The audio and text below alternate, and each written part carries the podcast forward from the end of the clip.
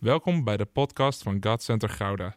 Vanaf deze plek willen we jou inspireren, motiveren en activeren om op een praktische manier je dagelijks leven met God vorm te geven.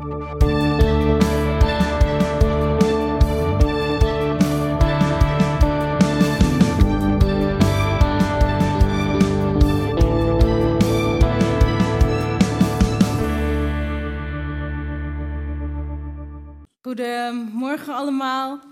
Uh, ik mag vandaag uh, gaan spreken en uh, ja, wat Jeroen ook zei, vond het is best wel... ik, ik, voelde het woord, al de boodschap al, al twee maanden weer op mijn hart. Maar na gisteren vond ik het extra spannend. En ik geloof echt dat het een boodschap is wat, wat ons allemaal mag gaan zegenen. En voor degenen die het weten, Dave en Nick, die waren hier voorheen, samen met Jeroen en Petra, waren we in de vorige gemeente in God Center Leiden toen de tijd nog, waren we tienerleiders. En toen de tijd toen we tienerleiders uh, waren, was het uh, heel erg leuk, tenminste als tienerleiders en tienergroep, hadden we een hoogtepunt in het jaar. En net zag ik een aantal tieners in de groep. Alleen ik zie nu niet, volgens mij zijn er geen tieners in de, in de zaal. Maar voor degene die het weet, ik weet niet of je, of je je tienertijd hebt meegemaakt in de, in de kerk. Maar een van de ja, van de hoogtepunt, of eigenlijk het hoogtepunt van het jaar, dat was kamp. Zomerkamp, ja. Ik zie uh, Laurina hier, die heeft uh, ook een paar slapeloze nachten gehad uh, afgelopen zomer. Maar kamp is het hoogtepunt van het jaar voor tienerleiders en de tienergroep. En van kamp is weer het hoogtepunt, natuurlijk naast de krachtige levensveranderende veranderende diensten, is ook weer de dropping het hoogtepunt. En misschien niet zozeer voor de tieners, maar in ieder geval voor ons als tienerleiders wel. Want toen wij tienerleiders waren, vond ik het heel erg grappig en leuk dat wij geen programma van tevoren aan de tieners vertelden. Dus zij wisten totaal niet van wat er op een dag gedaan werd. En dat maakte ook dat de spanning werd opgebouwd. Dat ze zoiets hadden van wanneer gaat de dropping plaatsvinden? Is het vanavond? Wanneer is het?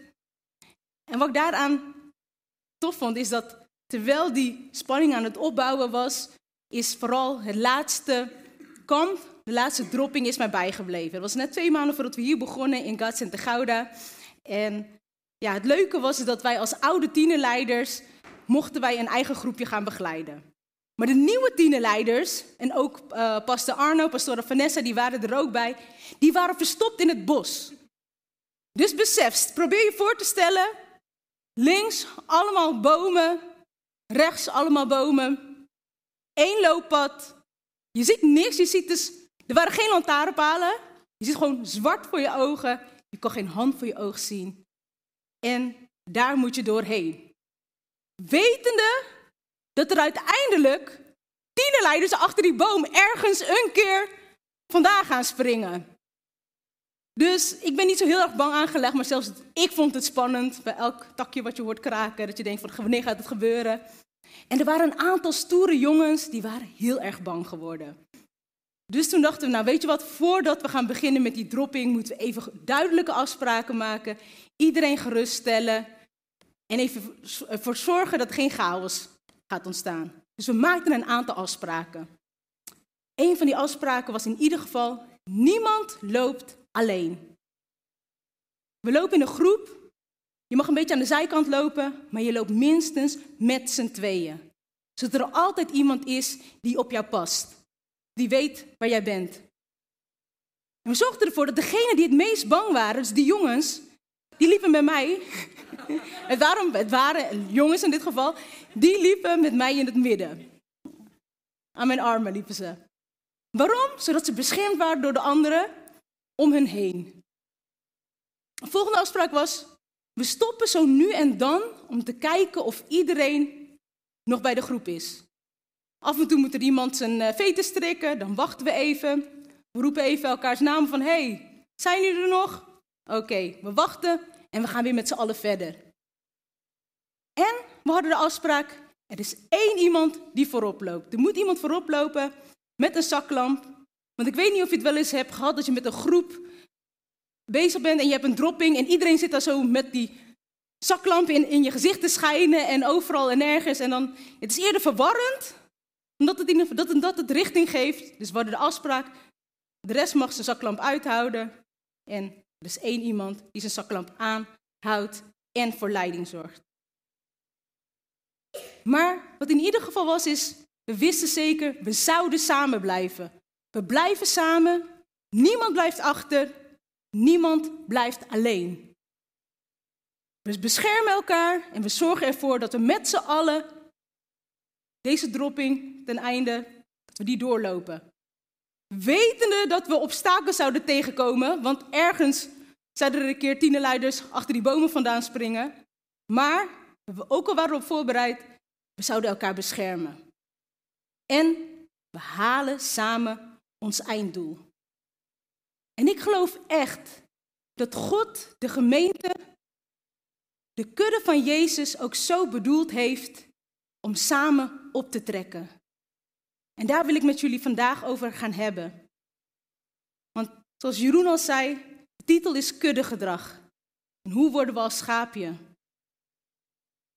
Maar laat nou net in deze tijd een woord als kuddegedrag, kudde, schaap, een behoorlijk negatieve lading hebben in deze tijd. Want als je tegenwoordig een schaap wordt genoemd, eh, dan, dan is het niet een compliment. Ik bedoel, in deze tijd, als je, maakt niet uit of je achter een leider aangaat, of het een geestelijke leider is of een politieke leider, en je doet gewoon wat die leider zegt, dan ben je een domme schaap die heel volgzaam is. Of als je gewoon blindelings doet wat jou wordt opgedragen, regels opvolgt, zonder tegenspraak, dan ben je gewoon een mak lammetje. En dan kunnen we de conclusie trekken dat gewoon in deze tijd dat een vergeleken worden met een schaap of een lammetje is niet bepaald populair. We worden liever vergeleken met een leeuw, sterk, moedig en um, ja, straalt wel macht uit. Of met een, met, met, met een wolf of een tijger, in ieder geval een dier wat kracht uitstraalt. Maar in de Bijbel wordt de gemeente vaak vergeleken met de kudde. Niet met een roedel wolven, niet met een groep leeuwen, maar simpelweg met een kudde. Een kudde schapen. En weet je dat als je de keuze hebt gemaakt om Jezus te volgen, je hebt gezegd, ja, ik wil dat Jezus mijn redder is, ik wil hem volgen. Of je het wilt of niet, dan hoor je bij die kudde, je bent daar onderdeel van. En vandaag wil ik met jullie Gods woord in gaan duiken om te gaan kijken van hoe heeft God het dan bedoeld? En hoe mogen wij zien mogen wij kijken naar die kudde en hoe kunnen we worden als een schaapje zoals God het heeft bedoeld. Ik wil met jullie gaan lezen uit Johannes 21, vers 15 tot en met 19. Dat is ook de kerntekst, dus als je kan, dan eh, wil ik u vragen om te gaan staan uit respect en uh, ontzag voor het woord van God. En dan gaan we het gezamenlijk met elkaar uh, lezen. Je mag meelezen, je kan het hier meelezen. Vers 15. Toen ze gegeten hadden, sprak Jezus Simon Petrus aan. Simon, zoon van Johannes, heb je mij lief, meer dan de anderen hier? Petrus antwoordde, ja heer, u weet dat ik van u houd. Hij zei, wijd mijn lammeren. Nog eens vroeg hij, Simon, zoon van Johannes, heb je me lief? Hij antwoordde, ja heer, u weet dat ik van u houd. Jezus zei, hoed mijn schapen. En voor de derde maal vroeg hij hem, Simon, zoon van Johannes, houd je van me? Kijken. Petrus werd, Petrus werd verdrietig omdat hij voor de derde keer vroeg of hij van hem hield. Hij zei, Heer, u weet alles. U weet toch dat ik van u houd? Jezus zei, wijd mijn schapen. Waarachtig, ik verzeker je, toen je jong was, deed je zelf je gordel om en ging je waar je heen wilde. Maar wanneer je oud wordt, zal een ander je handen grijpen, je je gordel omdoen en je brengen waar je niet naartoe wilt. Met deze woorden duidde hij aan hoe Petrus zou sterven tot eer van God.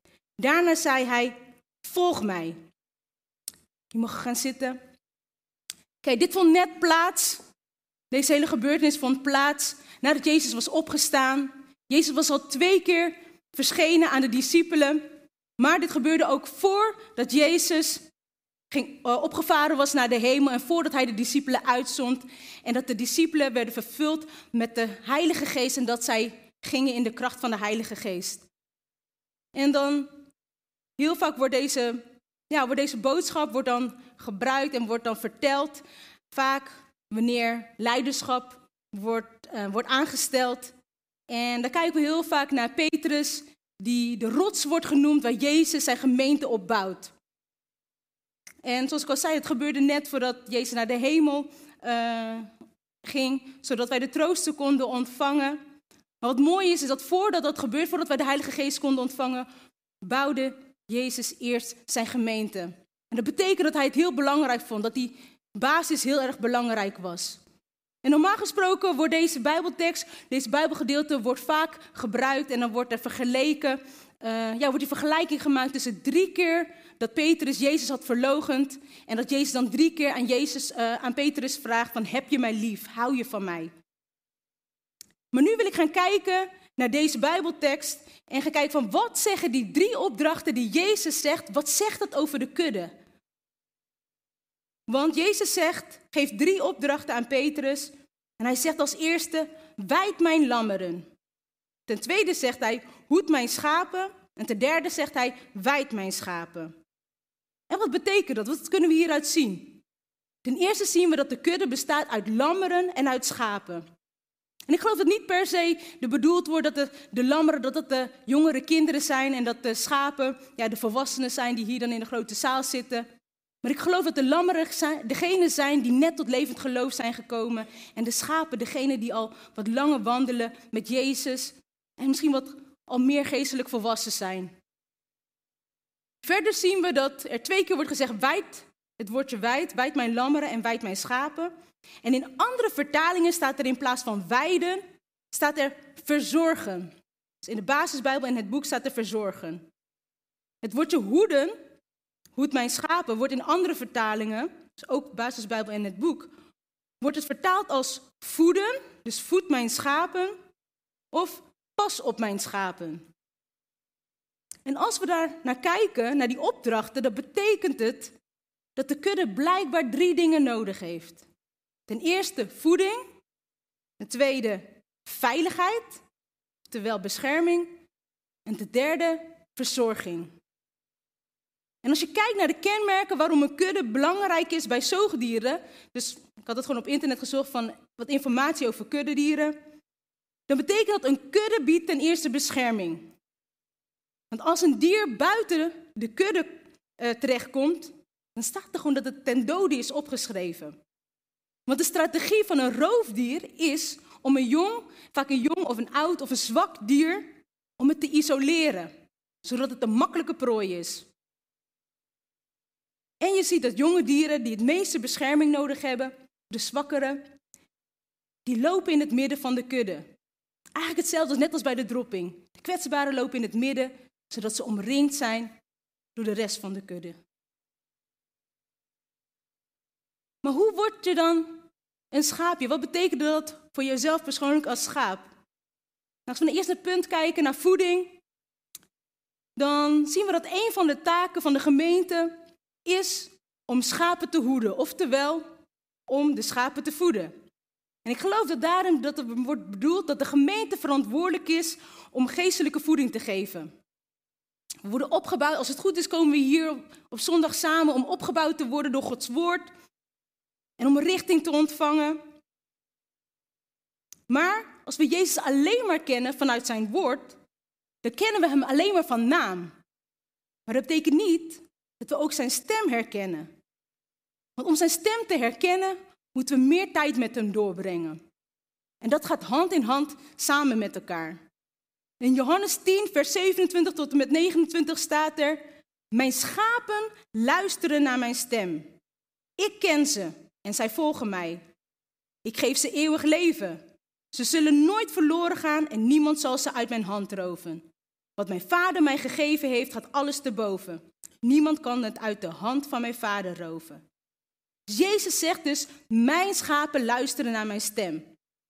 Nou, ik doe ook kinderwerk en uh, door de week hier in Gouda. En op mijn werk vind ik het heel erg belangrijk dat, wat voor activiteit we ook doen, dat ik altijd een namenspel of een kennismakingsspel doe met de kinderen. Want ik vind het heel belangrijk dat elk kind gezien wordt, gehoord wordt En niet zomaar het meisje is met de roze shirt, maar dat we echt elkaars namen kennen. En uh, normaal gesproken doe ik een namenspel, maar laatst zeiden een paar kinderen, die zeiden van, uh, Talita, kunnen we niet uh, het spel tik tik wie ben ik doen? En ik moest lachen, want ik had zoiets van, ja dat kan, maar het is een beetje lastig die eerste les. Maar toen dacht ik, nou ja, laten we kijken wat er gebeurt. En ik weet niet of je het spel kent, ik heb het vroeger ook wel eens gespeeld, dat er één kind die zit in het midden, die zit op zijn hurken, die moet dan naar beneden kijken, ogen dicht. En de andere kinderen gaan eromheen staan of zitten. En ik wijs dan een kindje aan en die mag dan naar het andere kindje lopen in het midden. En die zegt dan, die tikt op de schouder of op de rug, die zegt dan, tik tik, wie ben ik? En het grappige was, is dat de eerste keer, we, we deden het en de kinderen kenden elkaars namen nog niet, dat het een beetje verwarrend werd. En toen legde ik ook uit, we moeten eerst het namenspel doen, want we kennen elkaar nog ineens. Dus laten we eerst het namenspel doen. Ik zeg, hoe meer we met elkaar omgaan en ook in de komende weken gaan we elkaars stem ook herkennen. Je gaat een beetje elkaar kennen, ook elkaars doen en laten. De grapjes die iemand maakt bijvoorbeeld. Dus dan weet je ook van dat zelfs wanneer de stem vervormd wordt, dat je dan weet van hé, hey, dat is dat kindje. Want dat wilden de kinderen ook doen. Van mag ik ook met de stem vervormen van tuk tuk, wie ben ik? Of uh, tik tik, wie ben ik? En het grappige was is dat bij de derde, vierde les merkte je van, ook al vervormden kinderen hun stem, ze herkenden elkaar al, gewoon door het doen en laten, door een intonatie. Maar wat is daarvoor belangrijk? Tijd met elkaar doorbrengen. Elkaar gaan kennen. En zo geloof ik ook dat het eigenlijk hetzelfde is met Jezus. Vaak trekken we het los van elkaar. Vaak denken we, weet je wat, op zondag word ik gevoed. Op zondag krijg ik die geestelijke voeding. En dan ken je Jezus wel, dan hoor je over hem. Maar ja, dan ben je weer door de weeks. Raak je verward. Als je geen tijd met hem doorbrengt, ga je zijn stem niet herkennen. Dan ga je denken van, ja, op zondag hoorde ik dit, maar door de week ik, voel, ik, voel ik zus. En en je raakt in de war en je weet niet welke richting je op moet gaan. En ik heb ontdekt dat heel vaak herkennen we de stem van Jezus niet door de week, omdat we heel vaak afgeleid worden door allerlei andere stemmen. En dan horen we op zondag horen we over die liefdevolle Jezus en zijn liefdevolle stem. Maar door de week worden we weer aangeklaagd en aangevallen door die veroordelende stem. Misschien de veroordelende stem van een autoritaire ouder, die altijd in je hoofd blijft afspelen. Of misschien is het wel de stem van het innerlijke kind in ons, dat eigenlijk nooit is genezen. En het kind wat vroeger niet gehoord werd, of kind wat misschien onterecht is behandeld, op een bepaalde manier is behandeld, dat zo verwond is geraakt in het verleden, dat die wond nooit is genezen, waardoor dat innerlijke kind eigenlijk constant aan het schreeuwen is en gehoord wil worden. En het geeft helemaal niet als je in de beginperiode zit van je herstel. Maar ik heb ontdekt dat heel vaak mensen nog zo lang dat innerlijke kind ja, de overhand laten nemen, omdat het innerlijke kind nog nooit helemaal volledig hersteld is. En het innerlijke kind in jou wil heel vaak die Jezus zien en die Jezus horen. Die jou liefdevol op zijn schouders draagt. Maar die vindt het heel moeilijk wanneer die goede herder, die lieve Jezus, soms ook wel eens een corrigerende tik geeft. Of af en toe tegen jij zegt: Hé, hey, nee, ik denk dat iets anders beter voor je is. Maar als je de stem van Jezus kent, dan herken je zowel zijn liefdevolle bevestiging, als dat je de strenge toon herkent vanuit bescherming. Die liefdevolle Jezus die dan tegen jou zegt, ja, je bent mijn geliefde kind, ik hou van jou. Die soms juist uit bescherming zegt, nee, ik heb een andere plan. Het is nu nog niet de juiste tijd. Nee, het is niet de juiste plek of de juiste persoon voor jou. En dan wil ik de volgende V gaan bespreken. Dat is V van veiligheid, bescherming. Omdat ik geloof dat dat ook een van de dingen is waarom de kudde zo belangrijk is. Die veiligheid en de bescherming waaronder we mogen vallen. Maar hoe doen we dat dan? We zitten nu al met zoveel mensen. Hoe doen we dat dan? Die veiligheid en bescherming vinden in die menigte. Ik geloof dat het antwoord daarop is dat we aan elkaar op mogen trekken. In 1 Petrus 5, vers 1 tot, tot en met 6, hoef je niet op te zoeken, ik zal het even voorlezen. Dan wordt er gesproken over de oudsten. In dit geval de, het, uh, ambt van de oudste. is niet per se de ouderen onder ons. Maar hier staat erop, ik doe een beroep op de oudste onder u. Als u mede-oudste en als ooggetuige van Christus lijden en omdat ik evenals u zal delen in de luister, die binnenkort zal, zal worden geopenbaard, vraag ik u, hoed Gods kudde waarvoor u de verantwoordelijkheid hebt. Houd goed toezicht, niet gedwongen, maar vrijwillig, zoals God dat wilt. En niet om er zelf beter van te worden, maar met belangeloze toewijding. Stel u niet heerzuchtig op tegenover de kudde die aan u is toevertrouwd, maar geef het goede voorbeeld. Dan zult u, wanneer de hoogste herder verschijnt, de krans van de luister ontvangen, die nooit verwelkt. En u, jongeren, moet van uw kant het gezag van de oudsten erkennen. Overigens, in de omgang met elkaar moet ieder van u altijd de minste willen zijn. Want God keert zich tegen hoogmoedigen, maar aan nederigen schenkt hij zijn genade. Onderwerp u dus nederig aan Gods hoge gezag, dan zal hij u op de bestemde tijd een eervolle plaats geven. Hierin zien we dat zelfs in de kudde dat God een bepaalde orde heeft. En die orde is er niet omdat sommige mensen belangrijker zijn dan de anderen, of een hogere positie hebben dan de anderen, of waardevoller zijn. Maar hier laat God zien dat die oudsten, die mogen een voorbeeld, mogen als voorbeeld fungeren. En ik geloof dat God altijd met orde de bedoeling heeft om chaos te voorkomen. En in dit geval om ons te beschermen. Want heel vaak lezen we uh, de tekst die daarop volgt, 1 Petrus 5, vers 8, waarom de, waarom de kudde en de, orde in de, en de orde in de kudde belangrijk is, is dat er een tegenpartij is. Er is een tegenstander, de duivel, die rondgaat als een briesende leeuw, op zoek naar wie hij zou kunnen verslinden. En dat zien we ook, net als bij de dropping, de kwetsbaren. Ik heb het net over gehad, in het dierenrijk is dat ook zo in de natuur. Dat de zwakkeren heel vaak geïsoleerd worden. Tenminste, dat is het doel van, de, ja, van die leeuw, van die roofdier. Dat iemand die zwak is of jong, dat die geïsoleerd wordt zodat hij een makkelijke prooi is om te verslinden. En daarom geloof ik ook dat het niet voor niets is dat dit een vergelijking is van een brullende leeuw en daarvoor de orde die in de kudde mag heersen. Waarom? Om op deze manier aan elkaar op te mogen trekken. Want hoe vaak is het niet zo dat we graag iets komen halen voor onszelf? We gaan komen naar de kerk voor onszelf om een goed gevoel te krijgen. Van hé, hey, kan er weer tegenaan de rest van de week. Even een lekkere boost. Fijne worship, fijne sfeer, fijne prediking. Een welkomsteam die je een warm welkom geeft. Maar weet je wat ik ook heb gemerkt? Is hoe groter de gemeente, hoe makkelijker het is om anoniem te bewegen. Maar in hoeverre durven we echt aan elkaar te committen?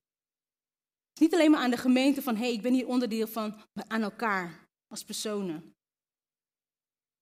Want misschien ben je wel een van die schapen die al wat langer wandelen met Jezus. Die al wat geestelijk al wat verder is. En je denkt bij jezelf van, hé, hey, ik zit hier wel, uh, ik zit hier wel goed. Ik, uh, ik zit hier goed op mijn plek. Maar hoe is onze houding dan tegenover die lammetjes die misschien niet zo ver zijn als wij? Hebben we daar echt werkelijk oog voor? Of hebben we een houding van, ja, is die persoon nog pas daar? Dat, dat station moet je toch al lang gepasseerd zijn? Is hij nog steeds bezig met uh, zelfveroordeling, aanklacht? Kom op, het is tijd om, uh, om door te gaan en door te pakken. Of Verstaat die persoon nog steeds de stem van God niet? En geven eigenlijk op die manier de ander het gevoel ja, dat hij niet goed genoeg is of te langzaam is. Of misschien denken we juist wel van, hé, hey, weet je wat, ik zit wel safe. Ik kom hier voor mezelf, ik kom hier voor mijn relatie met God. Ik uh, kijk, de, kijk de livestream voor mezelf en om even een boost te krijgen. Maar kijken we niet om ons heen naar misschien de verwonde lammeren die iemand nodig hebben om aan op te trekken. Want misschien kan jij wel die ene schaap zijn die het lammetje nodig heeft. Aan wie die kan optrekken. Van wie die kan leren. Mag je hem, wel, hem of haar wel beschermen? Of zijn we bereid om vanuit een nederig hart naar de ander om te kijken? Net zoals bij de dropping. Dat we stilstaan. Dat we wachten tot de ander zo ver is. En dat we dan kunnen zeggen van, hé, hey, weet je waar jij was? Daar ben ik ook geweest. En ik weet hoe dat is. Maar ik ben bereid om op jou te wachten tot jij zo ver bent. En als je wilt, mag je mijn hand pakken en ik neem je mee. En ik wil je helpen groeien. Maar ik laat je niet alleen. Misschien ben jij juist wel het lammetje dat je denkt van ja, soms voel ik me zo verloren in die, in die grote menigte. En ik probeer iedereen bij te benen, maar het lukt me niet. Ik wil je stimuleren. Zoek iemand aan wie jij je kan optrekken. Weet je wat ik zo mooi vind? Wij hebben als gemeente hebben zoveel activiteiten. We hebben live groups, we hebben God's Power Women. We hebben tienergroep, twee jeugdgroepen. Maar die hebben we niet om je agenda vol te maken, om je bezig te houden, om je van de straat te houden. Maar het mooie is dat we daar elkaar mogen leren kennen, elkaars hart mogen leren kennen. En iemand mogen vinden waarvan we zoiets hebben van, hé, hey, die persoon, die wil ik vertrouwen. Want op zondag is het fijn, daar mogen we toegerust worden, we mogen opgebouwd worden. Maar weet je wat, uiteindelijk, zoals ik net zei over die herder en elkaar stem, het herkennen. Dat kunnen we niet alleen maar op zondag doen. Daarvoor hebben we nodig dat we met elkaar optrekken, ook door de week. Dat we samen het leven delen en samen onze harten delen. En dan wil ik je bemoedigen, vergelijk je niet met een ander. We zijn allemaal een lammetje geweest. En wij willen je helpen groeien tot een volwassen schaap. Misschien ben je hier en denk je bij jezelf, maar ik krijg het juist benauwd als ik denk van, hé, hey, ik word omringd door mensen, mensen om me heen die dingen over mij zeggen of bepalen. Ik vind het wel fijn zo anoniem. Dus ik heb ontdekt, wanneer je het misschien benauwd krijgt van het woord bescherming, dan kan het misschien zijn dat jij door verwonding uit het verleden het vertrouwen bent kwijtgeraakt. Misschien het vertrouwen in leiderschap, het vertrouwen in de kerk, misschien vertrouwen in mensen in de kerk. Maar dan wil ik je bemoedigen dat vandaag jouw vertrouwen hersteld kan worden door de verzorging van de goede herder. En daar wil ik ook gaan naar het derde punt, dat is de V van verzorging. En zoals ik in het begin al zei, associëren we ons liever met een leeuw, een tijger of een wolf, in plaats van een lammetje. En ik ging over nadenken van hoe komt dat eigenlijk? En ik denk ook dat het komt door, als we kijken naar de vroegere generaties, uh, voor sommigen misschien de ouders, voor anderen de opa's en oma's, dat die tijd van vroeger, dat het heel erg patriarchisch was. Je luistert naar de vader, naar de ouderen, naar de mensen met een leidinggevende functie. En juist in deze tijd leren we kinderen om zelfkeuzes te maken. Uh, je hebt recht op zelfbeschikking. Je mag assertief zijn, voor jezelf opkomen. En dat is ook goed en gezond. Maar dat soms kan het ook weer de hele andere kant opschieten. En dan denk ik, hoe komt dat? En dat komt omdat eigenlijk heel vaak die positie, bepaalde posities van macht, dat gewoon is misbruikt. Ook door mensen met gezag, met leidinggevende posities. En dan is het moeilijk om te zien dat God, hoe God het bedoeld heeft op een gezonde manier. Maar als we kijken naar een schaap en hoe een schaap mag zijn, dan zien we dat de kudde, die laat de herder voorgaan. En die gaan niet zelf voor hem uit. Dus dat betekent wat we kunnen leren is dat een schaap zich laat leiden. En vaak hebben we het beeld van een verloren schaap of een verwonde schaap dat Jezus die op zijn schouders meeneemt en draagt. En het mooie plaatje dat Jezus als goede herder er is voor zijn, ja, voor zijn verloren schaapje. En hoe koning David in Psalm 23 eh, zegt, de Heer is mijn herder, mij ontbreekt niets. Mij komt niets tekort. En wil ik met jullie daarover gaan lezen in Psalm 23, vers 4. Ik kan het gewoon noteren, hoef niet op te zoeken. En dan zegt koning David: Al gaat mijn weg door een donker dal, ik vrees geen kwaad. Ik, vrees geen gevaar, want u bent bij mij. Uw stok en uw staf, zij geven mij moed. U nodigt mij aan tafel voor het oog van de vijand. U zalft mijn hoofd met olie, mijn beker vloeit over. Geluk en genade volgen mij alle dagen van mijn leven. Ik keer terug in het huis van de Heer tot in lengte van dagen. We zien hier dat die goede herder die ons op zijn schouders draagt, ook de goede herder is. Die ons corrigeert met zijn stok. En ons leidt met zijn staf. Misschien wel een hele andere richting op. Een richting die we niet verwachten. Of een richting die we eigenlijk helemaal niet zelf op willen gaan. Want heel vaak kijken we naar de belofte van vers 5 en 6 van geluk en genade volgen mij alle dagen van mijn leven, mijn beker vloeit over. Maar die belofte, die volgt op de principes die er vooraf gaan. En als we willen worden als een schaap, dan mogen we ook gaan leren om ons te laten leiden en ons te laten corrigeren. En ik vroeg God, hoe komt het eigenlijk dat, dat er zoveel mensen de kerk binnenkomen, de gemeente binnenkomen en ja, je hecht je aan, aan mensen, je denkt we gaan samen bouwen aan de gemeente. En dat mensen, voor mijn gevoel, heel snel de gemeente ook weer verlaten op een moment, ja, wanneer er een meningsverschil is of wanneer ze ergens niet mee eens zijn en ze worden gecorrigeerd uit liefde. En ik vroeg me af, God, is het echt, is het een hoogmoed? Denken die mensen het dan beter te weten? Maar God liet mij zien dat heel veel mensen de gemeente binnenkomen, verwond. En eigenlijk nog met een open wond lopen die nooit echt helemaal genezen is. En wat krijg je dan? Dat als, je, af en toe, als die wond nooit niet helemaal genezen is, dat elke keer wanneer er een corrigerende tik komt, of die, plek, die zere plek wordt aangeraakt, ja, dat het zeer doet. Dat je eigenlijk jezelf weer terugtrekken. En ik heb ontdekt dat je dan de liefdevolle correctie niet ziet, omdat je het associeert met correctie vanuit controle. En heel veel mensen komen de kudde binnen, verwond door misschien een eerdere gemeente. Of heel vaak door mensen met gezag. Het kan zijn een autoritaire ouder. Het kan zijn een manipulerende partner. Of misschien leraren die niet in jou geloofden.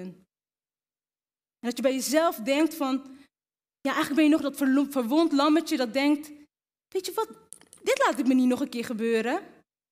Ik laat niemand meer bepalen wat ik moet doen. Ik laat niemand meer misbruik van mij maken. En ik maak vanaf nu mijn eigen keuzes. En niemand hoeft mij weer te zeggen, ook niet in de kerk, wat ik moet doen. Ook de voorganger niet. Of misschien wel juist de voorganger niet. Terwijl ik ook geloof dat God, juist die voorganger ook, niet alleen maar Jezus is de goede herder, maar hij geeft ook een herder hier in de kudde in de gemeente om ons te leiden. Weet je, correctie vanuit controle komt nooit voort uit liefde. Maar een liefdevolle correctie komt voort uit een hart dat jou wilt beschermen. Dat jou op het goede pad wilt houden. En dat wil dat jij tot bloei en op jouw bestemming komt. Maar correctie vanuit controle is altijd bedoeld om jou klein te houden. Terwijl liefdevolle correctie altijd het doel heeft om jou te laten groeien en bloeien. En ik geloof dat als jij zoiets zegt van, hé, hey, dat geldt voor mij. En ik merk van, ja, blijkbaar is er nog iets dat nog niet helemaal genezen is. Dan wil ik jou bemoedigen dat Jezus vandaag jou op, op zijn schouders wil dragen. En die diepe wond, die is misschien gaan ontsteken in de loop der jaren. Of misschien dat in een wondje wat steeds open gaat, dat het korstje steeds open gaat. Als iemand op de zere plek tikt. Ik geloof dat Hij dat volledig wilt genezen, zodat jij leiderschap weer mag gaan leren vertrouwen. En dat jij je weer mag gaan leren hechten in een gemeente. Want ik heb ontdekt dat als jij niet volledig geneest van, ja, van die wond, dan zul je nooit in een gemeente gaan hechten. Niet in deze gemeente, maar ook niet in een andere gemeente. En elke keer als het botst met leiderschap, dan denk je van hé, hey, ga weer naar een andere gemeente toe, dan weer naar een andere gemeente. En uiteindelijk is heel vaak de realiteit dat je helemaal geen gemeente meer bezoekt. Dat je buiten de kudde valt. Want als je gewond bent, dan herken je niet meer wat gezond is. En misschien denk je, weet je wat, ik heb heel die kudde niet eens nodig. Ik heb mijn persoonlijke relatie toch met Jezus. En ik kom alleen voor Hem. Als Hij mij leidt, dan is het goed. Maar Jezus heeft niet voor niets zelf de gemeente ingesteld. Hij heeft niet voor niets Petrus als hoofd van de gemeente ingesteld voordat de discipelen uitgingen, voordat de discipelen werden uitgezonden, voordat zij wandelden in de kracht van de Heilige Geest. En als Jezus eerst de gemeente had gesticht, dan betekent toch wel dat Jezus wist hoe belangrijk de kudde is voor jou en mij. Hij weet dat wij geestelijke voeding nodig hebben en die we, dat we die kunnen vinden in de gemeente. Hij wist toen al dat wij allemaal een plek nodig hebben waar we veilig zijn, omdat we beschermd moeten worden. En hij weet ook dat wij verzorging nodig hebben op het moment dat we verwond zijn. En wat je ook nodig hebt vandaag. Misschien is het voeding, misschien is het veiligheid. Verzorging omdat je verwond bent. Weet dat je vandaag dat mag ontvangen in die ene naam. In de naam van Jezus, de goede herder.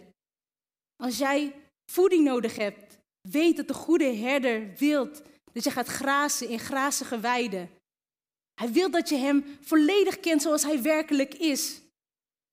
Zodat jij zijn stem mag herkennen en daardoor zijn stem beter mag leren verstaan. Zodat jij richting mag ontvangen voor je leven. Als jij veilig nodig, als je veiligheid nodig hebt, weet dan dat hij nog steeds die goede herder is. Die toen de tijd 99 schapen achterliet om jou te zoeken en jou te vinden. Toen jij nog verloren was, toen je hem nog niet kende. Diezelfde goede herder, die wil jou ook terugbrengen als je misschien bent afgedwaald. Niet zozeer misschien door zonde, maar misschien door verwonding. Als je hebt afgezonderd van de kudde. Hij wil je vandaag terugbrengen. En misschien ben je verwond door teleurstelling, manipulatie of afwijzing. Van mensen die het beste met je voor hadden moeten hebben. Mensen die jij vertrouwden, maar die hun positie hebben misbruikt. Jezus wil jou vandaag niet alleen maar op zijn schouders tillen en gewoon jou dragen, maar hij wil jouw wonden wilt hij genezen en hij wil het helen. En ja, Jezus kan in jou met één aanraking kan hij jou genezen. Maar weet ook dat als het tijd nodig heeft, dat Jezus jou op zijn schouders wil dragen. Door heel dat helingsproces heen. Hoe lang dat ook gaat duren. Misschien duurt het een tijdje, maar dan blijft hij jou dragen. Hij blijft jouw wonden verzorgen en hij wil jou genezen totdat jij zelf klaar bent om op eigen benen te staan. Dat je zelf weer onderdeel mag uitmaken van die gemeente, van die kudde. Amen. En dan wil ik, uh, ja, wil gewoon vragen of je iedereen ogen dicht wil doen. Wil ik gaan bidden daarvoor.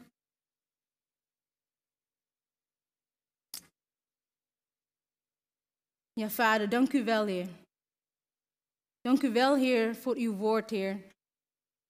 Dat misschien juist in deze tijd nog meer waarde heeft gekregen en nog meer tot ons hart mag spreken.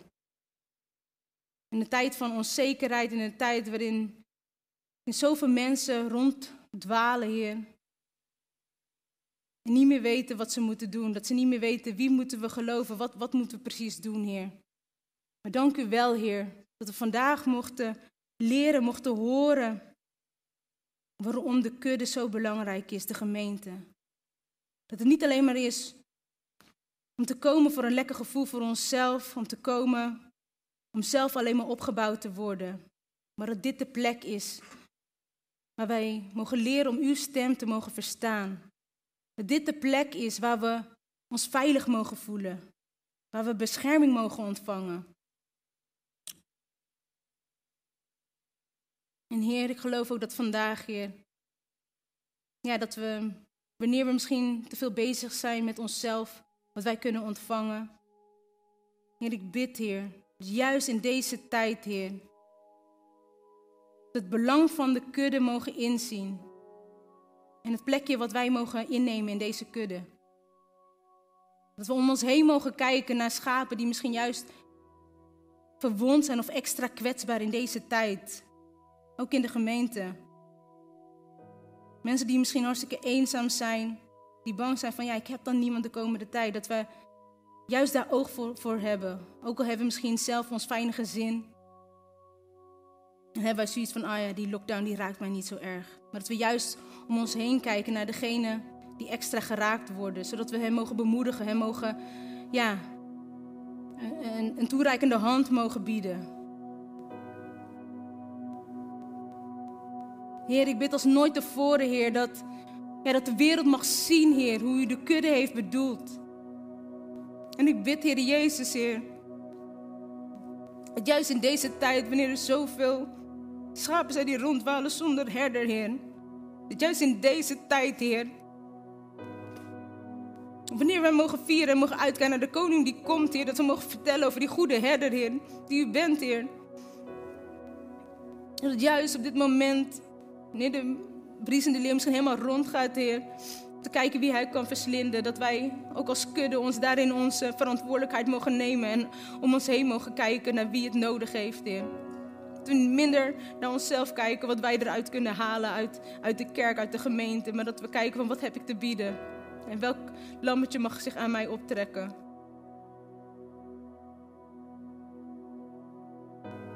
En gewoon speciaal bidden voor degenen die misschien al zoveel jaren lopen met, ja, met de verwonding. Misschien gaat het al heel veel gemeentes terug, kerkgemeentes terug.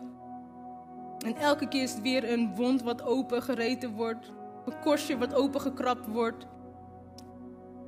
En daardoor ben je steeds minder gaan hechten aan de gemeente of heb je niet kunnen hechten. Of misschien door een ja, heb je altijd moeite gehad met autoriteit of gezag? Omdat vroeger werd je altijd dingen opgelegd. En het innerlijke kind in jou, ja, die wil dat niet meer. Op dit moment geloof ik, Heer Jezus, u bent de goede herder. En u wilt vandaag mensen echt gaan genezen, gaan herstellen. En misschien is het niet in, met één aanraking deze morgen. Maar dan geloof ik dat vandaag dat u zoveel lammetjes, verwonde lammetjes of schapen wilt, ja, wilt optillen, op je schouders wilt nemen. En een hele helingsproces wilt aangaan, Heer. Hoe lang het ook duurt. En als je geraakt bent door de boodschap en je denkt, ja, het geldt ook voor mij. Ik voel me als een verwond lammetje of misschien is er altijd een bepaalde verwonding geweest en dat is nooit helemaal genezen. Door wat mij is aangedaan. En ik merk dat ik daardoor heel moeilijk kan hechten aan de gemeente of het moeilijk vind om correctie te ontvangen vanuit leiderschap. Dan wil ik je vragen op dit moment of je wil gaan staan. Ik geloof echt dat Jezus dit voor vandaag heling en genezing wilt brengen. Dus ik wil je gaan vragen, als het voor jou is, dan wil ik, wil ik voor je bidden. En het is misschien heel spannend, maar dan wil ik ook vraag normaal gesproken zeggen van oké, we houden onze ogen dicht. Zodat we iedereen die privacy geven. Maar ik wil echt vragen of ook gewoon dat je met alle respect, gewoon niet opvallend, maar gewoon om je heen kijkt van hé, hey, zie ik mensen om me heen staan? Want misschien kan jij dat schaapje zijn. Die niet alleen maar die genezing van de goede herder mag ontvangen, maar dat jij ook die schaap mag zijn die later naar dat lammetje om mag kijken om te kijken hoe het gaat. Om af en toe even te checken van, hé, hey, misschien kan ik komende week, kan ik, ja, heb je het moeilijk, vind je het lastig komende week? Of met de lockdown of met de komende weken, dat je naar dat we echt naar elkaar om mogen kijken. Dus als het voor jou geldt, dan wil ik gewoon de, de ruimte geven om te staan en je hand, hand op je hart leggen. En dan wil ik voor je gaan bidden. Ja, lieve Vader, Heer. Heer, u kent een ieder van ons, Heer. Je kent een ieder die verwond is, Heer, geraakt door wat dan ook, Heer. Door mensen die, ja, die we misschien vertrouwden in het verleden, die het beste met ons voor zouden moeten hebben, maar die misbruik hebben gemaakt van ons vertrouwen. Of van onze onschuld of van onze goedheid. En Heer Jezus, ik wil vragen, Heer, op dit moment of u wilt komen met uw liefde. Met uw liefde, Heer die zo diep gaat, Heer. En Heer, u houdt zoveel van ons allemaal. Dat u niet zomaar even voorbij wil laten gaan met één aanraking, dan is het voorbij. Maar dat we mogen weten dat als het een periode duurt, dan bid ik voor deze mensen. Dat ze zich echt gedragen door u mogen voelen. Dat ze mogen weten dat u hen op hun schouders draagt. Dat u hen zal, zal verzorgen, dat u hen zal genezen. Totdat ze weer zelf kunnen staan. En ik bid dat het vertrouwen hersteld mag worden. Het vertrouwen in de kerk, het vertrouwen in de gemeente, het vertrouwen in de kerk van Jezus. Zodat waar ze ook mogen gaan, of dit, of dit de plek is, God te Gouden, of misschien ergens anders de plek is waar u ze bedoeld heeft, maar dat ze zich echt kunnen hechten. Hechten aan de mensen om hen heen. Dat ze ook ja, het leiderschap mogen aanvaarden, mogen aannemen. Heer, dat ze niet meer geleid zullen worden door het innerlijke kind in hun dat verwond is. Maar dat ze mogen weten en mogen zien, mogen leren wat gezond is. Heer, dank u wel, Heer, dat u onze goede herder bent. Dank u wel, Heer, dat wij een hoop hebben, Heer. Dat aankomende week ook, dat voor mensen een donkere periode is. Zeker met nu de nieuwe lockdown, Heer. Maar dat we mogen weten, dat we alle gedragen mogen voelen. Dat u onze goede herder bent. En dat wij, zoals we net zongen vanochtend, dat we u mogen aankijken.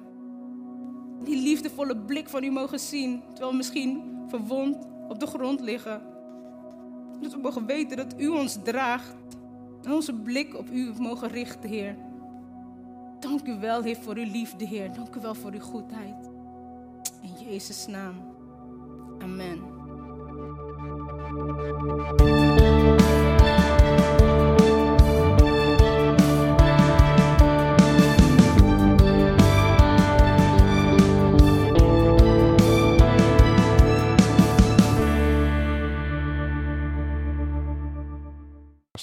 Volg ons op onze kanalen om verbonden te blijven. Heeft deze aflevering jou geraakt? Deel dan op je socials en tag ons, zodat we samen meer mensen kunnen bereiken.